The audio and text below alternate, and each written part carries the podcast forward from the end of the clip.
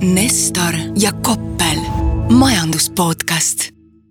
tere kuulama ja vaatama taas SEB majanduspodcasti Nestor ja Koppel. mina olen Koppel, Redgate Wealthi investeeringute valdkonna juht ja minuga on Nestor, kes on imeline SEB majandusanalüütik. ja täna meil on kolm teemat nagu tavaliselt, aga Mihkel, räägi, sa mõtlesid nendele teemadele, minu meelest need olid jumala huvitavad.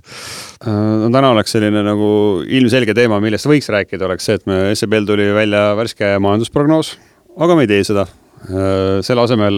noh, mis siin ikka arutada, et inflatsioonist ja töötusest ja majanduskasvust, et mõtlesin natukene üldisemate teemade peale siin Äh, noh, kõigepealt äh, sina ja mina sel reedel osaleme, ütleme Eesti Davose majandusfoorumil ehk siis äh, Eesti Majandusteaduse Seltsi aastakonverentsil, kus me astume üles ümarlauas, kõlab väga tähtsalt ja räägime deglobaliseerimisest ja no kuna me nüüd mina vähemalt suurem deglobaliseerumise ekspert ei ole, siis ma mõtlesin, et ma nagu loen ennast teemasse sisse ja räägin siin podcast'is soojaks ja siis vaatame, mis reedel välja tuleb. ehk siis tahaks rääkida sellisest äh, tendentsist nagu deglobaliseerumine, äh, mis me sellest arvame ja kuidas see Eestit mõjutab.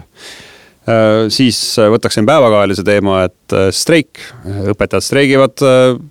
Rootsis Tesla töötajad streigivad ja, ja. Soomes no, hakkavad kõik streikima varsti. varsti kõik streigivad jah, sest et äh, majandus langeb, palgad eriti ei tõuse ja töötajad lähevad vihaseks, et mis me. et kas see on nagu õigustatud tänases keskkonnas või mitte ja kas üldse selline ametiühingud äh, ja streikimine, et kas see sellise kaasaegse majandusega kokku käib ja, ja lõppeks siis sellest, et äh, noh, samuti väga oluline teema, et äh, Eesti majandus siin ainult langeb ja langeb ja riik peab midagi tegema, ütlevad paljud kuidas peab riik siis sekkuma sellesse ja kuidas siis Eesti majanduskriisist välja tuua? oota, aga tuleme hästi alguses, algusesse hästi korraks tagasi, et põhimõtteliselt äh, SEB majandusprognoos, sa räägid Nordic Outlookist, eks ole? no, no kui ma... me jõuame seda veel rääkida, ma arvan. ma arvan, me jõuame rääkida ja teine asi on see, et ma arvan, et inimesed võivad seda guugeldada ka tegelikult. just nii aga no ma ei teagi, kust siis nagu pihta hakata, võtame, hakkame siit kodumaalt pihta, et äh, õpetajad streigivad äh, meie ei streigi. Äh, üldiselt ma ei ole väga kedagi kohanud, kes nagu arvaks, et äh, õpetajad ei peaks streikima, aga noh, kas nad selle eest palka juurde saavad, see on iseasi, arvestades seda praegust majanduskeskkonda. ja no mina vaatasin natuke statistikat ka, et noh, kui nüüd tahta siin otsida on nüüd tugevaid argumente, et miks õpetajatele mitte palka juurde anda. siis tõepoolest eelmisel aastal õpetajate palgakasv või vähemalt haridussektori palgakasv oli konkurentsitult kõige kõrgem noh, peaaegu kakskümmend protsenti selles sektoris äh, palk tõusis, samal ajal kui siin noh, keskmiselt keskmine palk me tõusis siin võib-olla no umbes kümne protsendi jagu.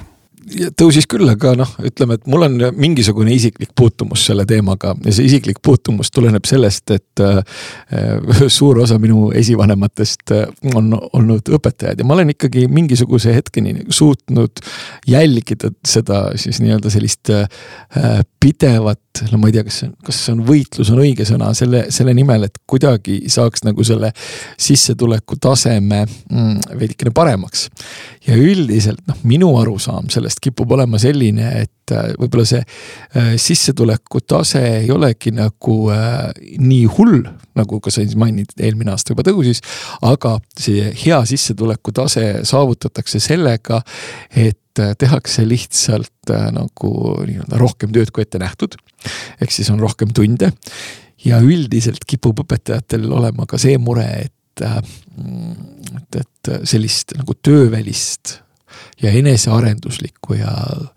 kontrolltööde parandamist ja kõike seda on äh, ikkagi lõppkokkuvõttes kohutavalt palju. ja see, et suvel saab veidikene rohkem puhata, seda nagu ära ei kompenseeri. lisaks sellistes tavalistes üldhariduskoolides, noh, vot see on võib-olla selline äh, ajamärk või zeitgeist või siin äh, minusugune keskealine mees jälle natukene kommenteerib, et kuidagi nagu see distsipliin on käest ära. et vanasti, kui laps sai hakkama mingisuguse jamaga, siis üldiselt äh, tulid vanemad kooli ja õpetaja ja siis, või õpetajad ja vanemad olid nagu samal poolel ja vaatasid äh, lapsele otsa, et no, et ei ole vaja nagu jamaga tegeleda, siis nüüd põhimõtteliselt äh,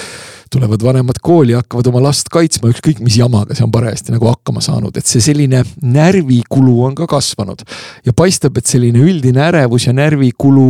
ja see, et kogu aeg tuleb midagi teha ja kogu aeg on seda natukene rohkem, kui veidikene tahaks ja et see nii-öelda joonealune, mis selle, selle kõige eest kokku tuleb, ei ole piisav, ongi tekitanud olukorra, kus õpetajad on veits pahurad. ja, aga no ma ei tea, kas sa seda streigiga lahendad aga iseenesest mina vaatasin nagu ka sihukest pikemat ajaloolist perspektiivi, et noh, nii kaua kui ma mäletan, meil on selline lubadus olnud, et noh, et ka õpetaja palk äh, keskmise palga juurde ja siis sealt veel edasi on ju mingisuguste komakohtadeni et noh, jällegi kui võtta see nagu haridussektori tervikuna, siis äh, tead, üks periood on sihuke kogu aeg majanduses, et kui, kui siis nagu õpetajate palk suhtelisel skaalal kipub nagu jõudma suhteliselt lähedale sellele keskmisele palgale no,. arva ära, mis perioodid need siis on. majanduslanguse perioodid. just nimelt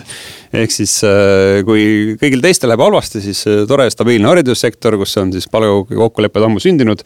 noh, seal väga midagi ei muutu ja, ja siis korraks nagu õpetaja ennast sellel halval ajal, teised kõik nagu kardavad oma töökoha pärast, poodides on allailmusid, siis õpetaja korraks saab ennast niimoodi lõdvaks lasta ja tunda ennast mõnusalt, et näed, mul on ikka päris hästi. ja siis tuleb jälle see neetud majanduskasv ja, ja nende palk kaob kuhugi sellisesse olukorda, kus enam ei jaksa piima ka osta jah, ja ilmselt on, kui majandustõusu periood on, siis ma, ma kahtlustan, et äh, võib-olla õpetajad, kes päriselt, eks ole, kipuvad võib-olla üht-teist oskama mingisugustes kontekstides, neil tekib väga suur kiusatus teha midagi muud. kui ma ei tea, seitsmenda äh, poisteklassi seitsmendikele nagu seletada, kuidas maailm tegelikult toimib, et nad on võib-olla tööturul mingisuguses muus kohas ka tegelikult täiesti konkurentsivõimelised aga kuidas sa nagu üleüldiselt suhtud siis sellesse, ütleme, õigusesse streikida, et kas, kas me peaksime laialdasemalt Eesti ühiskonnas neid kasutama selleks, et palka juurde saada? ei no ma kahtlustan, et äh, kui võtta selline aus erasektor ja võtta selline ausa erasektori nagu tööturu situatsioon, siis ei ole, ei ole nagu väga põhjust. ei ole põhjust sellepärast, et meil on struktuurne tööjõupuudus ja üldiselt Ähm, mingisugustes kontekstides äh, noh, no ma ei kujuta ette, mida selle streigiga on võimalik saavutada, et see on. õpetajate puhul me räägime ikkagi nagu suhteliselt uni-, unikaalsest olukorrast, et äh, noh, meil on üks tööandja, eks ole, tegelikult noh siin võivad kõik hakata rääkima, et küll tööleping sõlmitakse kooliga ja küll on kohalik omavalitsus ja küll on riik ja kõik, kõik, kõik, ütleme niimoodi lihtsalt arusaadavad, et riik on õpetajate nagu tööandja, on üks domineerivas positsioonis tööandja, kes põhimõtteliselt kehtestab tingimused, tingimused vastavalt äh, võimalustele. nii, ja kui siis nii-öelda kogum tööjõudu ei ole sellega rahul, siis ta väljendab oma pahameelt mis puudutab, ütleme sellist üldist streikimist, siis ma ei näe nagu seda kohta ja väga suurt vajadust. eriti just nimelt mõeldes erasektorile, sellepärast et äh, noh võite nüüd äh, võtta ja öelda, et äh, raju kapitalist jälle tuututab, aga noh, üldiselt mulle tundub, et äh, meie kogu see tööturg on nagu sinna töövõtja poole ikkagi nagu suhteliselt tasapisi nii-öelda kaldu juba. ja, kui, kui te seda ei usu, siis kuidas meil selle reaalpalga tõusuga siin nagu viimane mingi veidi rohkem kui kümme aastat olnud on, see nagu tõestab selle ära. et ma ei näe seda nagu streikimise kohta no ma tahaks sinuga õudselt vaielda, tõesti, ma tahaks sinuga vaielda, aga, aga ma natuke kipun samale seisukohale jääma. et noh, kui mõeldes nagu enamusele Eesti majandussektoritest, noh pidevalt meil on probleem selles, et töötajaid ei ole. ja, ja kuskilt ei tule ja selle tulemusena siis tegelikult käib päris raju palgakonkurents ja noh, nüüd, kui me siis suudaksime tekitada endale mingisuguse vahva ametiühingu siin, ma ei tea, kaubandustöötajatele või, või ehitajatele. noh, mida see siis nagu paremaks muudaks selles olukorras, et kas siis oleks veel kiirem palgakasv, no ma ei tea. ma kardan, et see nagu päris see ei ole, aga nagu, aga nagu üldiselt, aga tõesti nagu ütleme, riigitöötajate poole pealt äh, ma arvan, sellel plaanil on jume, et kui näiteks võtta selline tore seltskond nagu meditsiinitöötajad siis äh, vaadates nagu seda, et kuidas nende palk on siin arenenud, äh, ütleme siin viimase kahekümne, isegi kolmekümne aasta vältel siis ma küll kardan, et ilma mingisuguse tugeva nagu ametiühingu tegevuseta ei oleks see teps mitte nii kõrge, kui see täna on ja, ja noh, ma ei tea, kas nende läbirääkimiste positsioon on kuidagi tugevam kui õpetajatel. aga, aga nemad ju on ka streikinud ja, ja need palgakokkulepped, mis sealt sündinud on, tõepoolest nagu tuntavalt on meditsiinitöötajate elatusjärge parandanud. et noh, oleks siis nagu õpetajatel jõudu nii palju või nii tugevat häält teha kui meditsiinitöötajatel, ei tea, et äkki saaksid ka sellise palga jah, aga mulle tekibki siin tunne, et me suudame nagu välja filtreerida kaks olulist äh, komponenti, et, et kus nagu streikimisest võib kasu olla või kust streik kõne alla tuleb. et äh, esiteks on see üks äh, domineeriv nii-öelda tööandja ehk siis antud kontekstis riik ja teiseks on siis tegemist tööga inimestega, kus on väga suur osa tegelikult minu meelest vähemalt ka missioonitundel. et äh, noh, need kaks komponenti ja siis, siis, siis nagu tekib selline nii-öelda sobiv kontekst streigiks, et muid nagu kontekste ma noh jällegi, ega siin no, minu on, ei ole noh. igas riigis on muidugi omad kombed, et äh, praegu meil siin äh, onu Elon on äh, Rootsis kõvasti hädas sellega, et mehaanikud ei taha Teslasid remontida. ja see tuleneb siis sellest, et Tesla ei soovi Rootsis austada traditsioone, kus siis palgakokkulepped sünnivad ametiühingute ja tööandja vestluses ja, ja tundub, et seal nagu ei olegi sellist lahendust paistmas, et äh, Tesla ei taha kuidagi leppida sellise Rootsi elukorraldusega ja Rootsi töötajad ei taha kuidagi leppida sellega, et siis nad ise saaksid oma palgakokkuleppeid sõlmida. ja Soomes kipub olema sarnane lugu, et minu meelest kõik, kes vähegi streikima tahavad hakata, tahavad seal, tahavad hakata Soomes streikima ja seal Soomes on, ütleme selline ka ajalooline kogemus äh, sellest, et tööturg on ikkagi äärmiselt äh, jäik ja ametiühingud on need, kellega sõlmitakse, sõlmitakse palgakokkuleppeid ja nüüd kui äh, ilmselgelt äh, nagu sellist jätkusuutmatut ja jällegi ka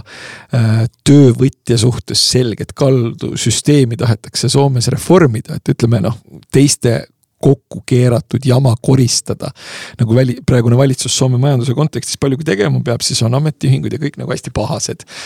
aga noh, kuidas nüüd öelda, et sellega kipub ikkagi olema niimoodi, et kui sul majandus käib üles-alla, siis ei ole päris niimoodi, et tööturg saaks käia ainult ülesse. seda on üritatud äh, nii-öelda Soomes mingisuguste, mingisuguses kontekstis saavutada, aga see ei ole eriti, eriti hea mõte. ja mulle üldiselt tundub, et kuigi nagu inimlikult, inimlikul tasandil võib see olla, olla kohati traagiline aga Euroopas üldiselt suudeti tekitada selline fantastiline olukord, et kui majandus langes, siis eriti nagu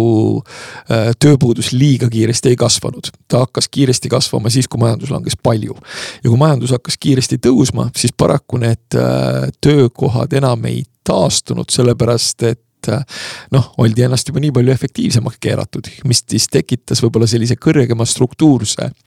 tööpuuduse Ühendriikides on jälle mm, teistmoodi, et kui äh, majandus läheb alla, tööpuudus lööb ülesse, kui majandus läheb ülesse, siis tööpuudus läheb alla. ja selline tööturu paindlikkus mulle tundub nagu üldises plaanis natukene mõistlikum lähenemine kui, kui see tööturu jäikus, et mulle meenub siin ka suure finantskriisi ajast, et kuidas need soomlased asju ajasid, et tehas ütles, et nüüd on kaks võimalust, et kas me paneme tehase kinni või siis vähendame teil kakskümmend protsenti palkasid. ja siis ametiühing ütles, et mis kakskümmend protsenti palkasid vähendama, et sihukene asi ei lähe mitte, noh tehas pandi kinni, kõik jäid töötuks, et noh, kumb siis nagu parem variant oli. ma julgen öelda, et minu isiklik seisukoht on, et palkade vähendamine on antud kontekstis parem variant. kuigi ma arvan, et Põhjamaade ametiühingud ühesõnaga ütleme, Lõuna-Euroopa ametiühingute arvates on ikkagi sellised neoliberaalsed kapitalistlikud koerad, et äh, seal on ka mingisugused majandusanalüütikud äh, palgale võetud ja, ja need vahel need palgakokkulepped, mis sõlmitakse, tunduvad ka täitsa nagu mõistlikud olevat, et noh, näiteks siin suure inflatsiooni kontekstis tegelikult äh, palgakasv äh, päris samale kõrgele ei küündinud ja ametiühingud olidki sellised kuidagi arusaavad selles osas. jah, aga vist oli ka kunagi vist isegi sina saatsid mulle selle fantastilise lingi või pealkirja, kus oli mingisugune Lõuna-Euroopa ametiühingu tegelane Eestis käimas ja ta suutis köhida välja sellise tsitaadi, et kasum on põhimõtteliselt töötajatele ebaõiglaselt välja maksmata jäänud palk. see oli tore tsitaat, mulle väga meeldis see mees. nii, aga aitab ametiühingutest, et jõuaks teiste teemadega ka läbi läbi, käia, siis äh, no üks kuum teema, millest meil on siin viimasel kõvasti räägitud, on see, et äh, mis nüüd teha, Eesti majandus langeb, et kuna nüüd on lõpuks ka nominaalne majanduslangus käes, et on avastatud, et tõepoolest, et ongi meil mingisugune majanduslangusperiood käimas ja et riik peab kindlasti siia kuidagi sekkuma. Ja noh, mina nagu siukse ana, Eesti analüütikuna siin nagu mõtlen ja veeretan ja nagu ma, ega ma väga nagu häid nagu teid ei näe, et kuidas, kuidas seda päriselt saaks teha, aga noh, teemad, mida meil siin välja käidud on, on see, et äh, igasugused maksutõusud ära jätta, võib-olla hoopis langetada, äh, teha kiiresti mingisuguseid riigihankeid. Äh, mis, mis meil siin veel nagu variante oli, et äh, ühesõnaga noh, on jäänud ikkagi mulje, et mingi seltskonna arvates on tõepoolest Kaja Kallase kätes see võime, et Eesti majanduslangus pöörata majanduskasvuks noh, kuidas nüüd öelda, et teoreetiliselt võib-olla ju võib neil isegi õigus olla, sellepärast et kui me mõtleme sellele, et mis see meie kõige parem loodusvara on. meie kõige parem loodusvara on see, et me ilmselt saame rahvusvahelistelt turgudelt suhteliselt mõistliku hinnaga suht-, suhteliselt palju nagu laenu võtta. aga hetkepoliitika on ikkagi suunatud rohkem, et üritaks võib-olla liikuda eelarve tasakaalu suunas, et no ma saan sellest, ka sellest lähenemisest ma saan aru. aga selles mõttes tõepoolest, et äh, riik võtaks kaasaks rahvusvahelistelt turgudelt täiendavat kredi-, krediidiressurssi ja stimuleeriks sellega nõudlust. selline võimalus on teoreetiliselt tõesti olemas see teoreetiline võimalus on olemas, aga, aga noh, praktiliselt, kui ma vaatan seda, et kust meil siis see majanduslangus on tulnud, ta on tulnud nagu suhteliselt puhtalt eksportturgudelt, et äh, see on väga viimase aja trend, kus meil siin ütleme natuke nagu, nagu sisetarbimine langeb. ehk see suur tükk on just sealt eksportturgudelt kadunud ja no seda sa nüüd äh, kuidagi Eesti nõudluse elavdamisega, ma ei tea, kuidas sa seda kompenseerid, et äh, noh, hakkame siis kõik neid Soomesse müümata või Rootsisse müümata jäänud puitmajasid ostma endale, et no on variante, aga ma kardan, et me päris nii palju neid ei suuda osta, kui rootslased neid ostsid. tõepoolest ja teine asi on see, et kui me räägime sellisest toredast asjast nagu krediidiressurss, eks ole, siis sellega ju kipub olema niimoodi, et et noh, seda tuleb tagasi ka maksta, seda tuleb teenindada vähemalt. no intresse jah, seda peab maksma. Jah, et seda tuleb ju teenindada ja teine asi on ka see, et ega siin äh, ju, kui nüüd me mõtleme sellele fantastilisele olukorrale, kuhu näiteks paljud Euroopa riigid ja mõned muudki riigid on ennast äh, nii-öelda laenanud, siis see ei ole eriti mugav olukord. ja nüüd praegu kipub olema ka selline aeg käes, kus turg nagu saadab sellise selge signaali sellistele tegelastele, et kuulge, kui te siin olete nagu mm, sellist fantastilist fiskaalfestivali pidanud nagu aastakümneid, et siis võib-olla me ei taha teile enam nagu väga odavalt seda raha anda. ja see on see asi, mis äh, võib nagu tulevikku päris palju mõjutada ja selles kontekstis ma isegi saan selle eelarve tasakaalu fetišeerimisest äh, mõnevõrra aru. Aga no see minu jaoks on see totaalselt nagu müstiline, kuidas Eestis see eelarve tasakaalust rääkimine, see hakkab tavaliselt pihta siis, kui on selline majandustsükli langusfaas. et sel ajal, kui on nagu pidu käib ja skp kasv on kaheksa protsenti, siis nagu ei tule kellelgi üldse nagu pähegi see, et me peaksime kuidagi vaatama Eesti sellist majandust pikaajalises vaatevinklis ja siis äkki just sellist ülemäärast tarbimist kuidagi äkki jahutama, rohkem makse koguma. et noh, see ei ole absoluutselt mitte mingisugune teema. küll aga siis otsekohe, kui majandus enam ei buumi, hakatakse rääkima, et tead, äkki ikka see eelarve tasakaal, et see oleks päris nagu oluline teema ja nüüd võiksin ikka mõne maksu tõsta ja natukene siit kärpida ja no niikaua, kui see Eesti iseseisvuse ajalugu läheb, see on kogu aeg täpselt ühte jalga käinud, et alati, kui on majandusbuumi nagu selline tippfaas, siis me kärbime maksusid. kõik on nagu öeldakse, YOLO ja, ja kohe, kui on majanduslangus käes, siis peab hakkama kärpima ja maksusid tõstma. nii päriselt ütleme, õpiku järgi see asi niimoodi ei peaks käima. õpiku järgi veelgi on selliseid õpikuid, mida mulle tundub, et nagu võib-olla väga tihti ei äh, loeta või mõelda, et üks asi on see, et noh, meil ei ole enam nagu valu, valuutakomitee IT-süsteemi. mis tähendab seda, et, et võib-olla see nagu eelarve tasakaal nüüd nii kohutavalt tähtis asi äh, ei ole nagu, nagu mõista antakse, et ta on ja teine asi on see, et mis mulle nagu kipub ka tunduma, on see, et eriti ei mõelda sellistele huvitavatele nähtustele nagu reaalintress näiteks. et noh, inflatsioonipoisikene ikkagi aitab nagu äh, võlga maksta kohati päris hästi ja kui nüüd keegi äh, julgeb mulle väita, et et äh, arvestades sel-, seda, et punase veini joojad on ennast nagu silmini nagu lõhki laenanud, et meil euroalal tuleb, järgnevad nüüd niimoodi kakskümmend aastat positiivseid reaalintresse ja võla reaalväärtus kasvab ja üleüldse võlgu on hästi paha olla, et mul on seda pehmelt öeldes raske uskuda, aga ma ei näe mitte mingisugust äh,. noh, ma ei näe Aktuaalses Kaameras keegi seda nagu mingisugusel viisil diskussiooni sisestamas. noh, mina räägin sellest, sina räägid sellest, võib-olla paar tegelast räägivad veel, aga siis jõuame jälle selle juurde tagasi, et mida rohkem majandus langeb äh,, seda nii-öelda protsüklilisemat poliitikat meil aetakse mina olen muuseas teinud ka ennustuse, et äh, noh, vaatamata sellele, et me siin räägime mingisugusest eelarve tasakaalust ja vajadusest äh, olla nagu mõõdukas, siis tegelikult noh, see on selline lihtsalt konkreetselt aja küsimus, millal me jõuame oma siis võlatasemelt järgi sinna kogu muule Euroopale ja, ja no mitte sellepärast, et nüüd mõni vastutustundetu poliitik seda nüüd ainuüksi tahab teha, vaid et äh, see on selline rahva nõudlus, et me kõik tahame saada paremaid avalikke teenuseid. samas maksusid väga maksta ei taha selle eest no noh, poliitik nagu kuulab rahva arvamust, et maksu maksta ei taha, samas teenust tahaks. ehk siis, mis ta teeb, võtab selleks turgudelt laenu ja no me oleme seal nagu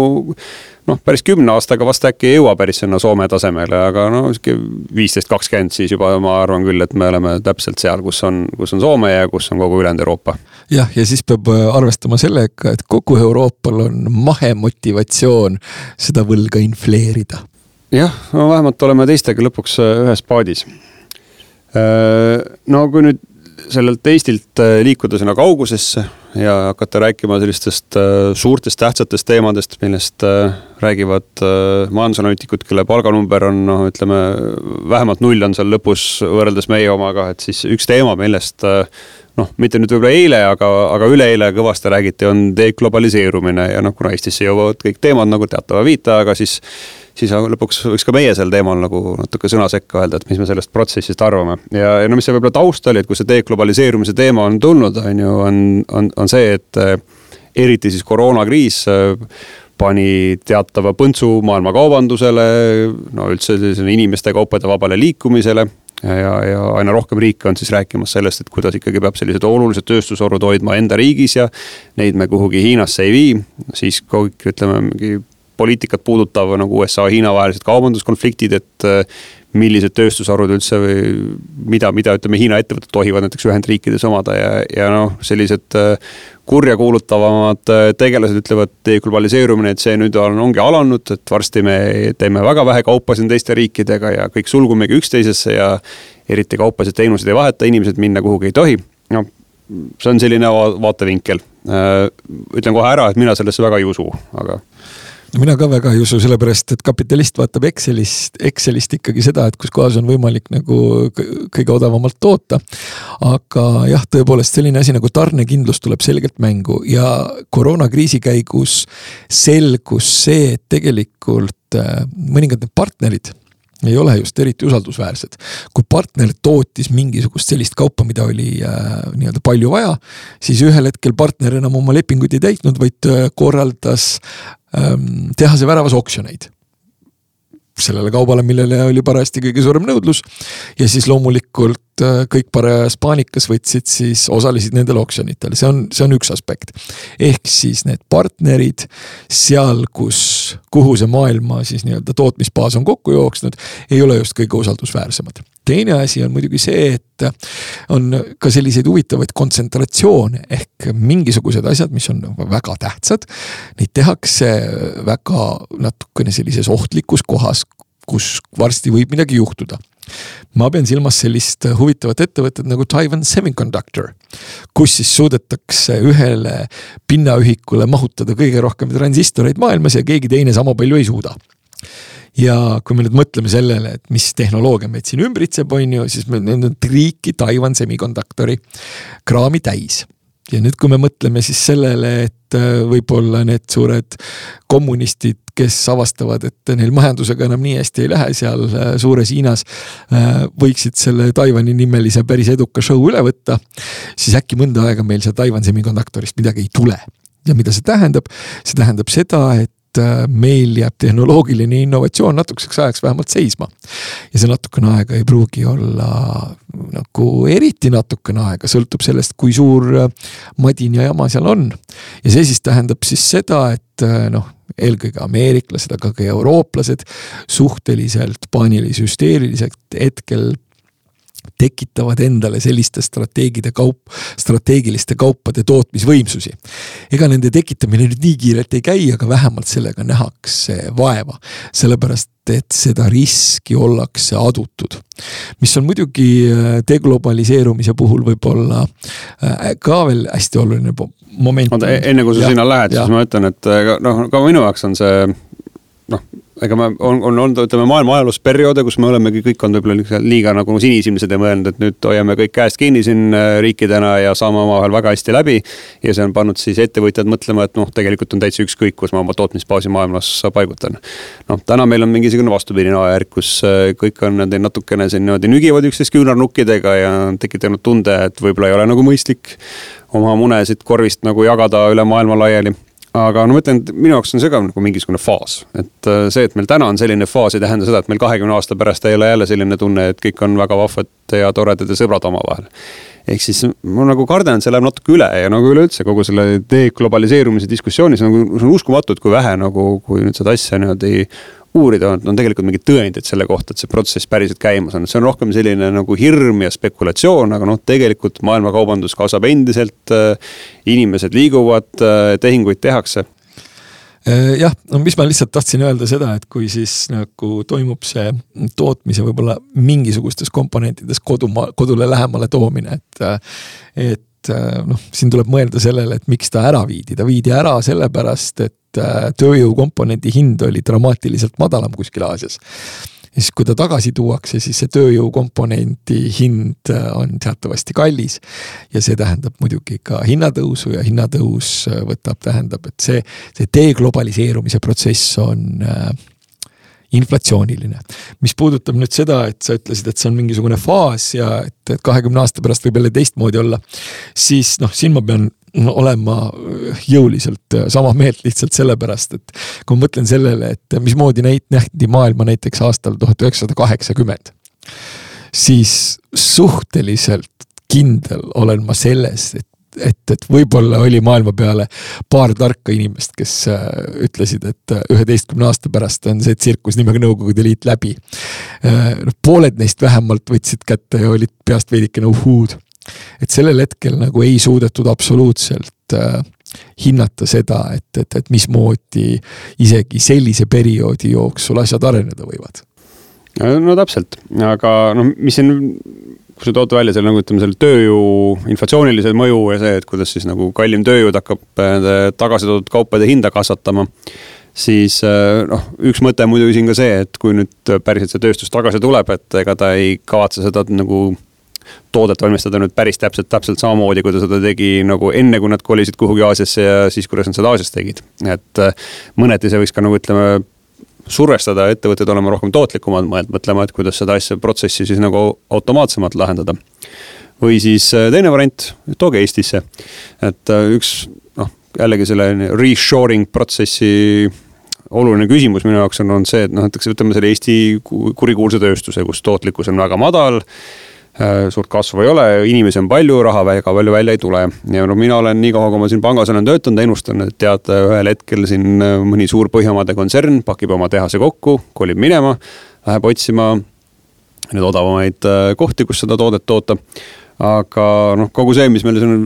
sellesama viimase kaheksa aasta jooksul toimunud, on minus tekitanud tunde, et no läheb aega. sest et eriti see võib-olla see koroonakriis noh, teades, et seal võib-olla isegi mõnel ettevõttel oli mingi plaan kuskil sahtlis, siis eh, sinna sahtlisse see plaan jäigi. sest et eh, see, et sa Rootsis tead, et eh, noh, Eesti peale võib ikka enam-vähem kindel olla, et kui, kui sa siit midagi tellisid, see toodang sinna kohale jõuab kui sa seda tellisid Hiinast, no siis võib igasuguseid põnevaid asju vahepeal juhtuda. et noh, Eesti kontekstis mõneti see tekitab meile sellist täiendavat turvatunnet. et see deglobaliseerumine et sellest nii palju räägitakse, et seal nähakse palju ohtusid, et kui sa väga kaugele oma tootmisbaasi viid, et äh, see aitaks justkui mingisuguseid tööandjaid Eestis säilitada. aga teisalt noh, mõeldes ka sellele, et meil on kogu aeg kitsikus käes töötajate pärast, et kus need leida. siis eks see võib-olla hoiab ka meie sellist tootlikkuse kasvu tagasi, et noh, need inimesed jäävadki sinna kinni sellesse samasse ettevõttesse jah, ja lisaks sellele on meil ju väikene probleem, ütleme sellise energia hinna stabiilsusega ja siis meil on ju väike selline probleem, et kuidas see on, et meil on see NIMBY ja banana ehk build, never build anything near anything ever. et nagu selline, sellised väiksed probleemid on ka, et kui kuskil öeldakse, et tahetakse mingisugune tööstus püsti panna, siis millegipärast kõik kohalikud elanikud võtavad, saavad kohe väga, väga pahaseks. ja selle kohalikud on tavaliselt on suvitajad. Need võivad olla suvitajad esindajad ja no nad tõepoolest võivad olla ka pärit äh, pealinna gentrifitseeritud piirkondadest, kus nende käekottidel on eri, erakordselt pikad rihmad või siis äh, sallid on erakordselt pikad aga no kokkuvõttes, äh, kui seda deglobaliseerumise teemat nagu arutada, siis ühesõnaga minu nagu selline bottom line oleks see, et see on natuke võib-olla ülepaisutatud teema, et tõepoolest sellised ohud on olemas. aga et noh, meil päriselt see oleks mingisugune nüüd tõepoolest mingi trendi muutus, kus me hakkamegi vähem üksteisega kaupa tegema ja vähem investeerima teistesse riikidesse, no ma jumala eest, ma ei usu sellesse. meil ei ole täna selleks andmeid. ja, ja sellepärast ma arvan, et selle protsessi pärast nüüd ka nagu ülemäära ei maksaks äh, muretseda. tõsi, mina mõtlen selle puhul seda, et noh, ütleme, et muidu ma olen selline kitsi tegelane, kes eriti ei taha maksta ja otsib nagu kõige paremat diili. aga teatud kontekstides ma mõtlen täiesti tõsiselt, et ma olen nõus veidikene rohkem maksma, kui ma tean, et see raha ei lähe kaabakatele. et puidust kikilipsud ikkagi olgu tehtud Eestis. jah, need, nendega on väga hea kaminast tuld alustada